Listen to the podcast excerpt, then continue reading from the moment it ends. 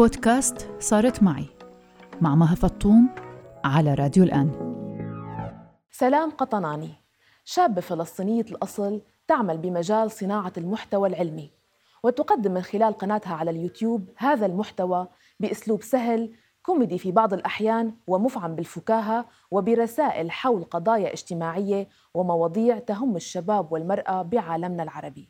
سلام عاشت معظم حياتها في الإمارات. لترجع وتستقر في الأردن من أكثر من سنتين.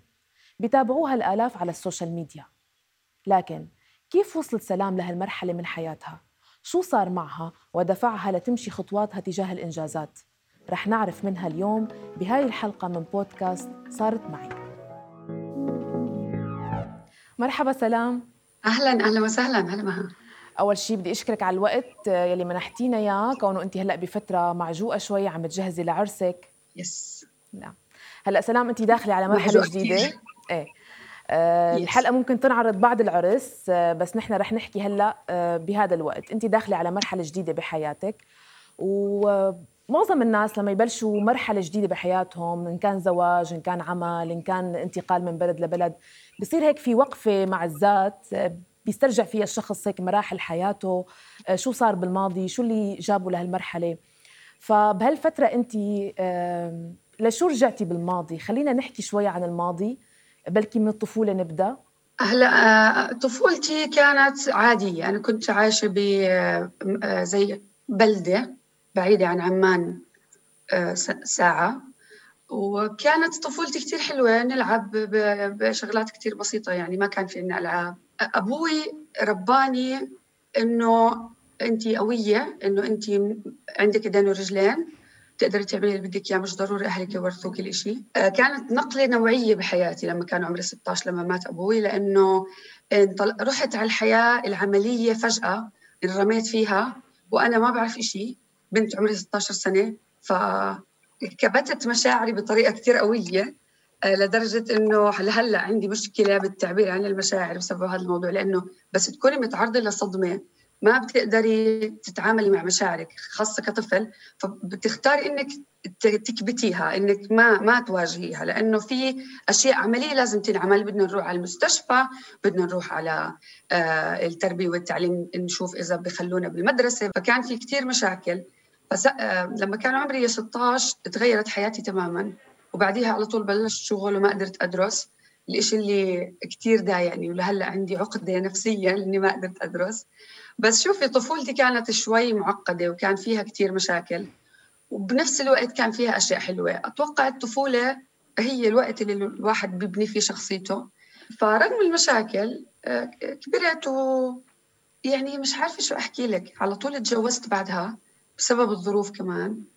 كم أخ وأخت أنتم سلام بالبيت؟ إحنا ثلاث بنات. أنا أكبر واحدة وعندي أختين أصغر مني. آه طيب سلام هاي الحالة اللي عشتوها جميعا في المنزل آه، كيف آه، أثرت على شكل علاقتك مع أخواتك البنات؟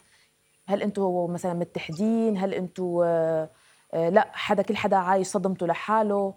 خبريني أكثر آه لا إحنا إحنا علاقتنا كتير قوية أنا وأخواتي لما بتتعرض لما بتعرضوا الاطفال أو الأخوات لظروف قاسية لازم يكونوا فيها متحدين مع بعض أتوقع هذا الإشي كتير بيعزز ال... بيعزز علاقتنا رغم إنه إحنا مش كتير بنحكي مع بعض هلأ كل واحد منا في بلد بس عزز علاقتنا على مستوى أساسي إنه إحنا فاهمين الظروف السيئة جدا اللي مرينا فيها وفاهمين إنه أي تصرف سيء بده يطلع من أختي بده يكون بحلله بسبب الظروف بحلله بسبب إحنا كنا عندنا مشاكل إحنا عندنا مشاكل ب... أنا عندي مشاكل نفسيه بشعوري باستحقاق الحب مثلا آه، شعوري بإني بستاهل الأمان وال... والراحة راح آه، شعوري إنه أنا شخص آه، منيح كفاية آه، فعملنا كثير مشاكل نفسية لهلأ بنتعامل معها وأنا لهلأ كنت أروح على طبيب نفسي بس بطلت عرفت لأني لازم أنا أتعامل مع مشاكلي لحالي فالعلاقة تعززت وصرنا نفهم أكثر العقد النفسية تبعت بعض لأنه إحنا فاهمين الماضي تبع بعض. طيب آه، زواجك آه، زواجك صار بعمر صغير يعني نسبيا. نعم. فشو جدا. كانت أنا كنت 17 تماما. آه، شو السبب اللي دفعك لتاخذي هالخطوة؟ هل صار في ضغوطات معينة؟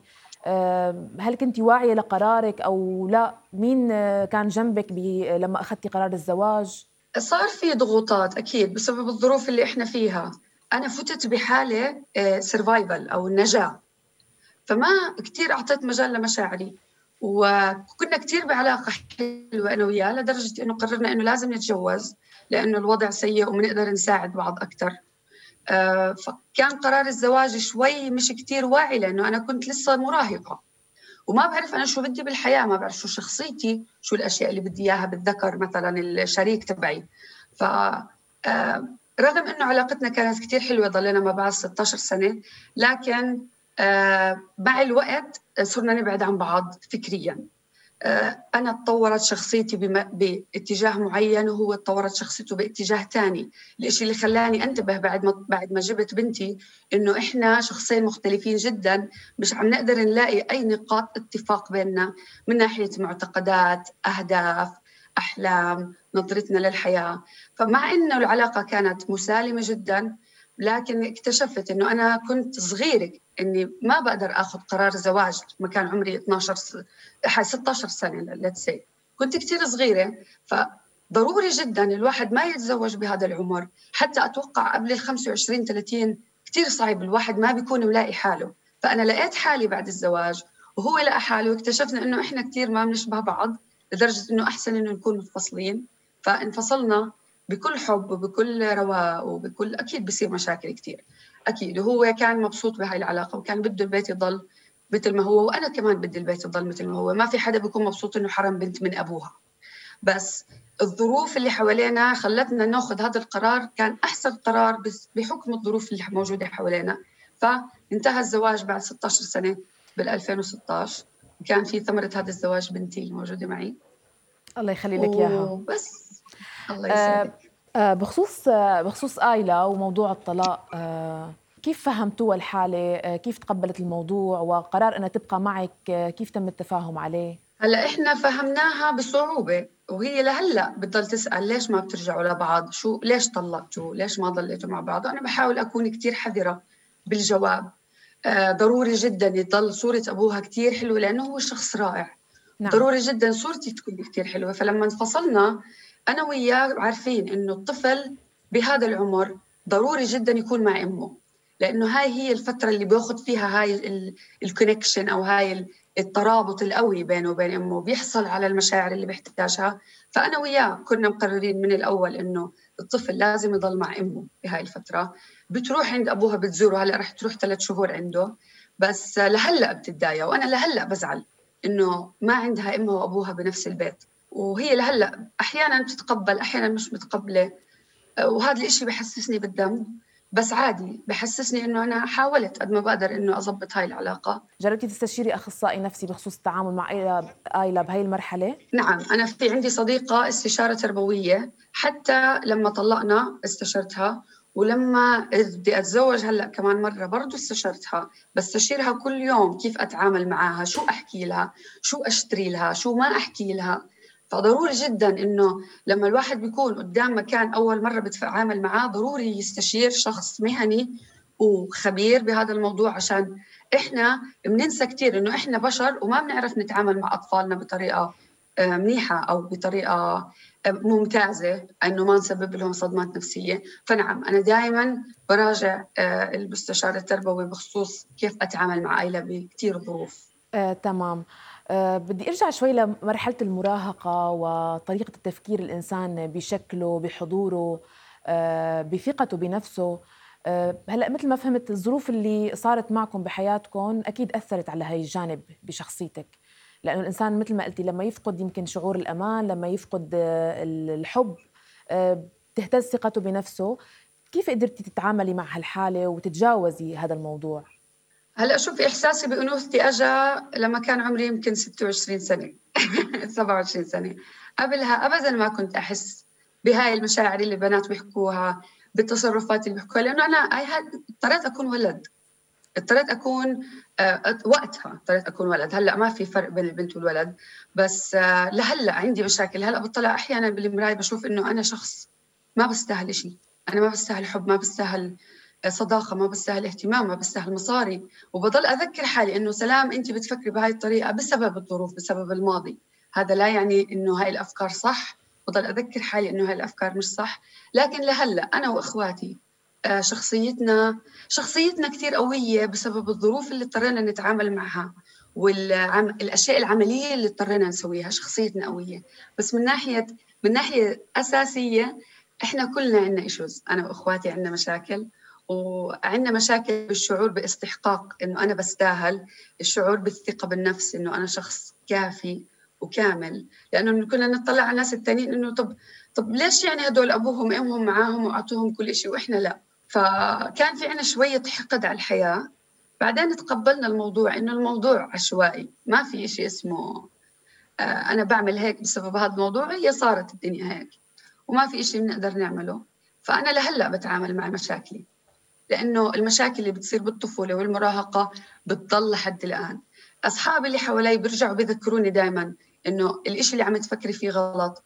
أوقات كثير بكون متضايقة خطيبي كثير بيساعدني بيحسسني إنه لا انت شخص بتستاهلي. برجع بذكرني إنه انت تعبتي على حالك وصلتي لمكان منيح. بتستاهلي حب بتستاهلي أمان استقرار. لأنه شعور الاستقرار اللي انفقد لما شعور الاستقرار ينفقد بتضلي طول عمرك آه، عندك anxiety عندك قلق. من المستقبل. ولهلا أنا بحس إنه فجأة رح أرتمي بالشارع فجأة رح أخسر بيتي ورح أخسر كل شيء رح أخسر كل شيء بحبه ورح أرتمي بالشارع. هاي ال reflexes أو ردات الفعل بسبب الماضي بسبب الصدمة اللي أجت بالماضي. نعم. فلسه عم نتعامل مع هاي الصدمة. طيب آه، هاي الحالات النفسية كل اللي مريتي فيها وعم تعايشي معها آه، كيف قدرتي توازني بينها أو مش توازني؟ يعني هي موجودة وبنفس الوقت انت أم. مطلوب منك آه، تربي طفلة صغيرة إجت على الحياة ما بتعرف شيء هلأ شوفي إحنا كلنا عندنا مشاكل وبحس إنه إنجاب الطفل هو اللي بيفتح عليك الباب تبع مشاكلك القديمة اللي مسكر عليها أنت ما بدك تشوفيها. بس يجي ابنك بتصيري تسقطي حياتك على حياته وتفكري كيف أنا بدي أربي كيف بدي أعيشه وقتها طلعت كل المشاكل يعني أنا بس أجت أيلا طلع الاكتئاب كله طلعت كل شيء الأشياء اللي بحاول أخبيها كلها طلعت لبرا. فكان شيء مؤلم جدا. ولما وصلت لمرحلة إنه أنا عم بتعامل مع ايلا بطريقة إنه أنا مش طايقة أنا متضايقة مش عم بعطيها الاهتمام الكافي رحت على دكتور فورا وأخذت دواء وبلشت أتعامل مع الموضوع. أحيانا بحكي لبنتي لما تشوفني بعيط مثلا بحكي لها ماما أنا متضايقة اليوم. أنا ماما تعبانة اليوم ماما عم تبكي لأنه ماما حزينة. كمان شوي ماما بتصير منيحة. فهي فاهمة الانكزايتي فاهمة الدبرشن تعرف إنه أنا بعاني من هذا الموضوع وبتحاول تكون إنها تدعمني بس أكون بالتخت أوقات الاكتئاب بخليك ترتمي بالتخت أسبوع ما بتقدري تعملي شيء تيجي بتجيب لي أشياء. بحاول قد ما بقدر إنه آه، أطلعها من البيت لما أنا أكون بنفسية سيئة أوديها عند حدا. ما تضل معي شايفة هاي الأشياء ال negative فانجاب طفل صعب جدا لما بتتعاملي مع مشاكلك النفسية. كثير صعب. وكلنا as آه، أمهات بنحس إنه إحنا مقصرين. وأي أم هلأ بعد ما خلفت أو بعد ما أنجبت طلعت مشاكلها النفسية. بحب أحكي لك إنه أنت مش لحالك. أنا كمان مريت بهذا الموضوع وكثير صديقات إلي مروا بهذا الموضوع. الطفل بيطلع منك كثير أشياء كنت كابتيتها قبل. لا تخافي. اجى الوقت إنه تواجهي. فأنا استوعبت إنه لما طلعت مشاكلي وبطلت أقدر أكبت مشاعري زي قبل صارت بدها تطلع وعملت لي مشاكل نفسية خلص. فهمت إنه أنا لازم أعمل إشي ولازم أتعامل مع هاي المشاكل لازم أواجهها. وواجهت شغلات جوا مخي ما بسترجي أفكر فيها حتى. ذكريات كثير مؤلمة. ما بسترجي إني أفكر فيها اضطريت أفكر فيها وأحكيها بالتفصيل عشان أواجهها وعشان تصغر قدامي إنه ما تكون مسيطرة علي. فالعلاج النفسي بيحتاج قوة كثير كبيرة من الشخص مش قوة بيحتاج رغبة إنه أنت بدك تعمل. الدكتور ما ساعدني ولا الدواء ساعدني لو لأني أنا حسيت إنه أنا وصلت لمرحلة عندي بنت وعندي مشاكل نفسية وما بدي أعيش بهاي الطريقة. وقتها أجاني الدافع إنه بدي أعمل شيء إذا ما عندك هذا الدافع إنه تساعدي حالك ما في شيء رح يساعدك. بس صدقيني الموضوع أبسط بكثير من ما بتفكري. لما تواجهي المشكلة بتصغر كثير بعيونك. بتصيري تشوفيها هالقد. تمام. أه، توجهتي للسوشيال ميديا تدريجيا أه، من انطلاقا من حبك للعلوم واطلاعك وثقافتك. وأنت ذكرتي ببداية التسجيل الحلقة إنه أنت عندك عقدة لأنك ما كملتي تعليمك.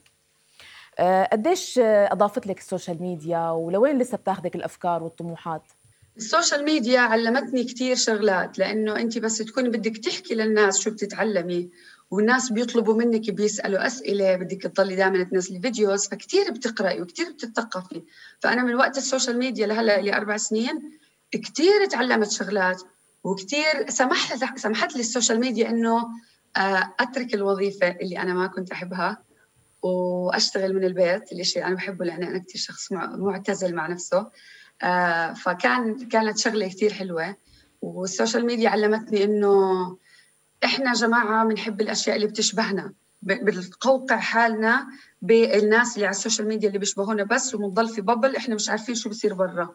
فدائما بحاول أطرح الأفكار من أكثر من وجهة نظر لأنه بحس إنه هذا هو الشيء اللي بنحتاجه بالمجتمع العربي الطريقة التحليلية النقدية هاي للأشياء إحنا ما تعلمناها.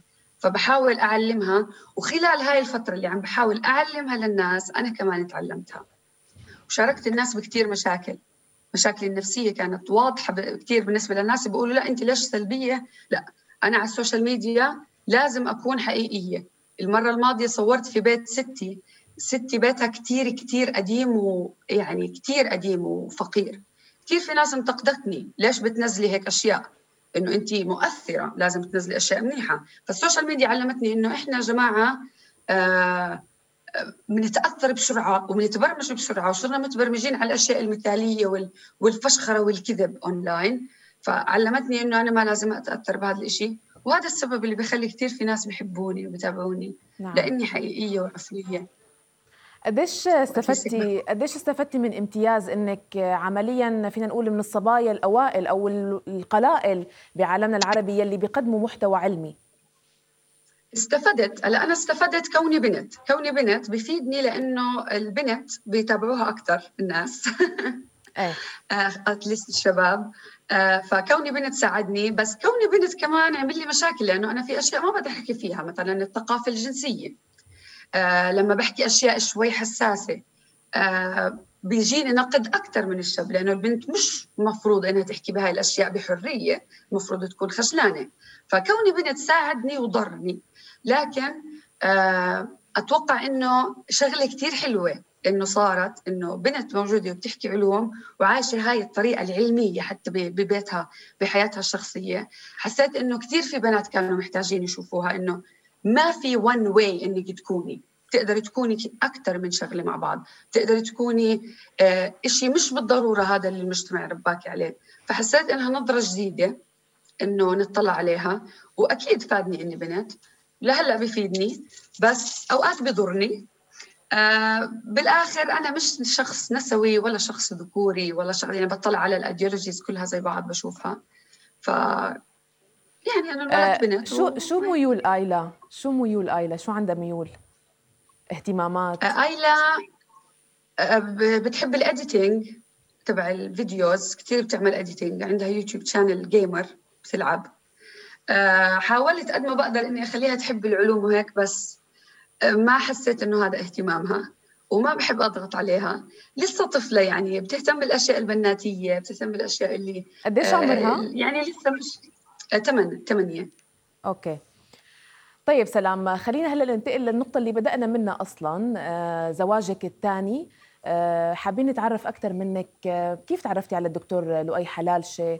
وشو الخطوات أو شو الأشياء اللي جمعتكم لحتى قررتوا تاخذوا هيك خطوة الزواج؟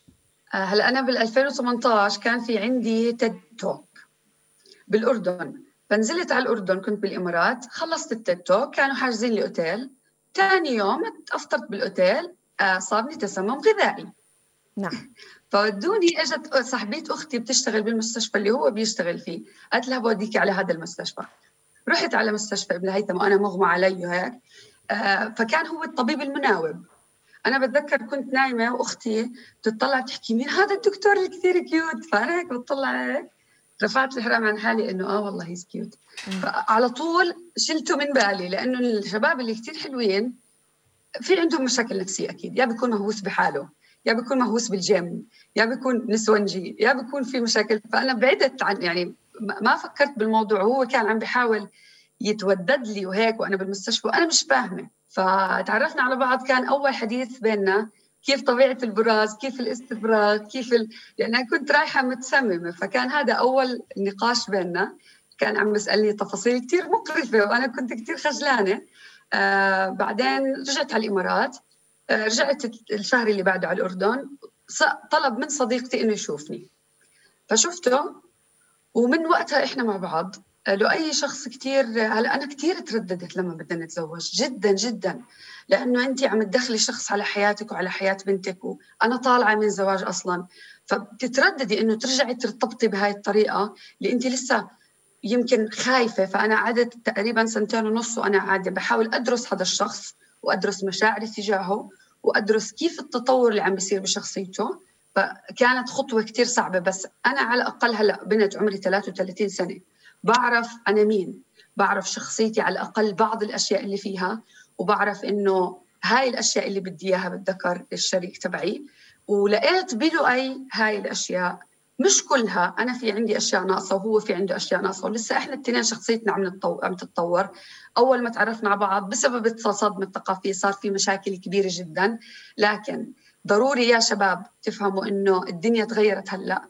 وأعطي مجال لحبيبتك لمرتك لصاحبتك إنه تكون هي هي مرتاحه مع حالها. صدقني أنت رح تكون مبسوط أكثر لأنه رح تكون موجود مع شخص مستقل ومع شخص قوي بيقدر يدعمك ويساعدك. فقرار الزواج كان كثير صعب خاصة لآيلة بس واحد من الأسباب كان آيلة لأني أنا كنت دائما خايفة وبالسر بلتقي فيه. ما بدي آيلة تشوف إنه مين هاد. فوصلنا لمرحلة هي عم تدرس بالبيت وكورونا وما بعرف شو مش عارفين ناخذ راحتنا بشيء وأنا ما عم بعمل شيء غلط بالآخر إني أنا بعلاقة. فحبيت إنه نشرع هاي العلاقة قدام الناس ونشرعها قدام بنتي وقدام أهلي عشان خلص نصير قادرين إنه نكون موجودين مع بعض ببيئة شوي محافظة بدون ما إحنا نكون آه، خايفين وهيك. فقرار الزواج أحيانا ما بيكون إنه أنا بدي أتزوج لأني بحب فكرة الزواج لأنه الزواج ما بفرق إذا أنت متزوج أو مصاحب إذا أنت حاسس بالارتباط مع هذا الشخص ما بفرق أنت متزوجه ولا لا لأنه الارتباط هو شعور مش ورقة. فتشريع زواجنا كان خطوة لازم نعملها بسبب البيئة اللي إحنا عايشين فيها المجتمع وبسبب إنه إحنا الاثنين فاهمين على بعض كفاية لدرجة إنه حاسين إنه لسه في عندنا مجال كبير نكون مع بعض. يمكن بعد 10 سنين 15 سنة ينتهي هذا الزواج يمكن نختلف بعدين. بس حاليا بعمر الثلاثين بحس إنه البنت قادرة على الأقل إنها تفهم حالها وتعرف شو الأشياء اللي بتحبها بالشريك وهذا الشيء اللي ساعدني إني آخذ القرار وسهل علي. طيب خلينا نحكي شوي وبصراحه وبوضوح اجتماعيا. نسميها بمسميات الأشياء. يعني أنت مطلقة وعندك بنت وهو طبيب عزابي. بتعرفي هي النظره كيف بتصير؟ إنه ليش هي مثلا بالذات من قبل أهله؟ هل صار في اعتراض؟ هل صار في مشاكل؟ آه، زوجك السابق مثلا كيف تعاطى مع الموضوع؟ تحكي لنا شوي عن الكواليس. هلأ صار في اعتراض أولها من أهله لأنه هم أول شيء بيئتهم مختلفة وثقافتهم مختلفة عني. وأنا موجودة شخص بالسوشيال ميديا بتعرفي كيف الناس بتطلع على المذيعات وتبعون الإعلام؟ إنهم ما بنعرف هدول كيف حياتهم. إحنا بنسمع إنه حياتهم مش منيحة وفيها كثير تخبيص و... و... وإثم ومشاكل وهيك. فكانوا عندهم هاي النظرة بس لما تعرفوا علي فهموا إنه هاي الاختلافات كلها اللي بتكون فوق لما تيجي تقعد مع الشخص تتعامل معه بتعرف إنه هاي الاختلافات كلها أنا ما كنت مفكر إنه هيك ما كانوا مفكرين هيك وحبوني كثير بالعكس آه، فما كان في اعتراض من أهله ابدا عشان البنت يعني. الاعتراض اجى من الفولورز لأنه بس نزلت ال من وقت ما عملت الخطبة وهيك كثير بيبعتوا لي كيف قبل فيكي خطيبك؟ شو عملتي؟ سحرتيه؟ هو أحلى منك بكثير وكيف قبل فيكي وهو أحلى منك؟ بده لازم ياخذ ملكه جمال بالنسبة لهم.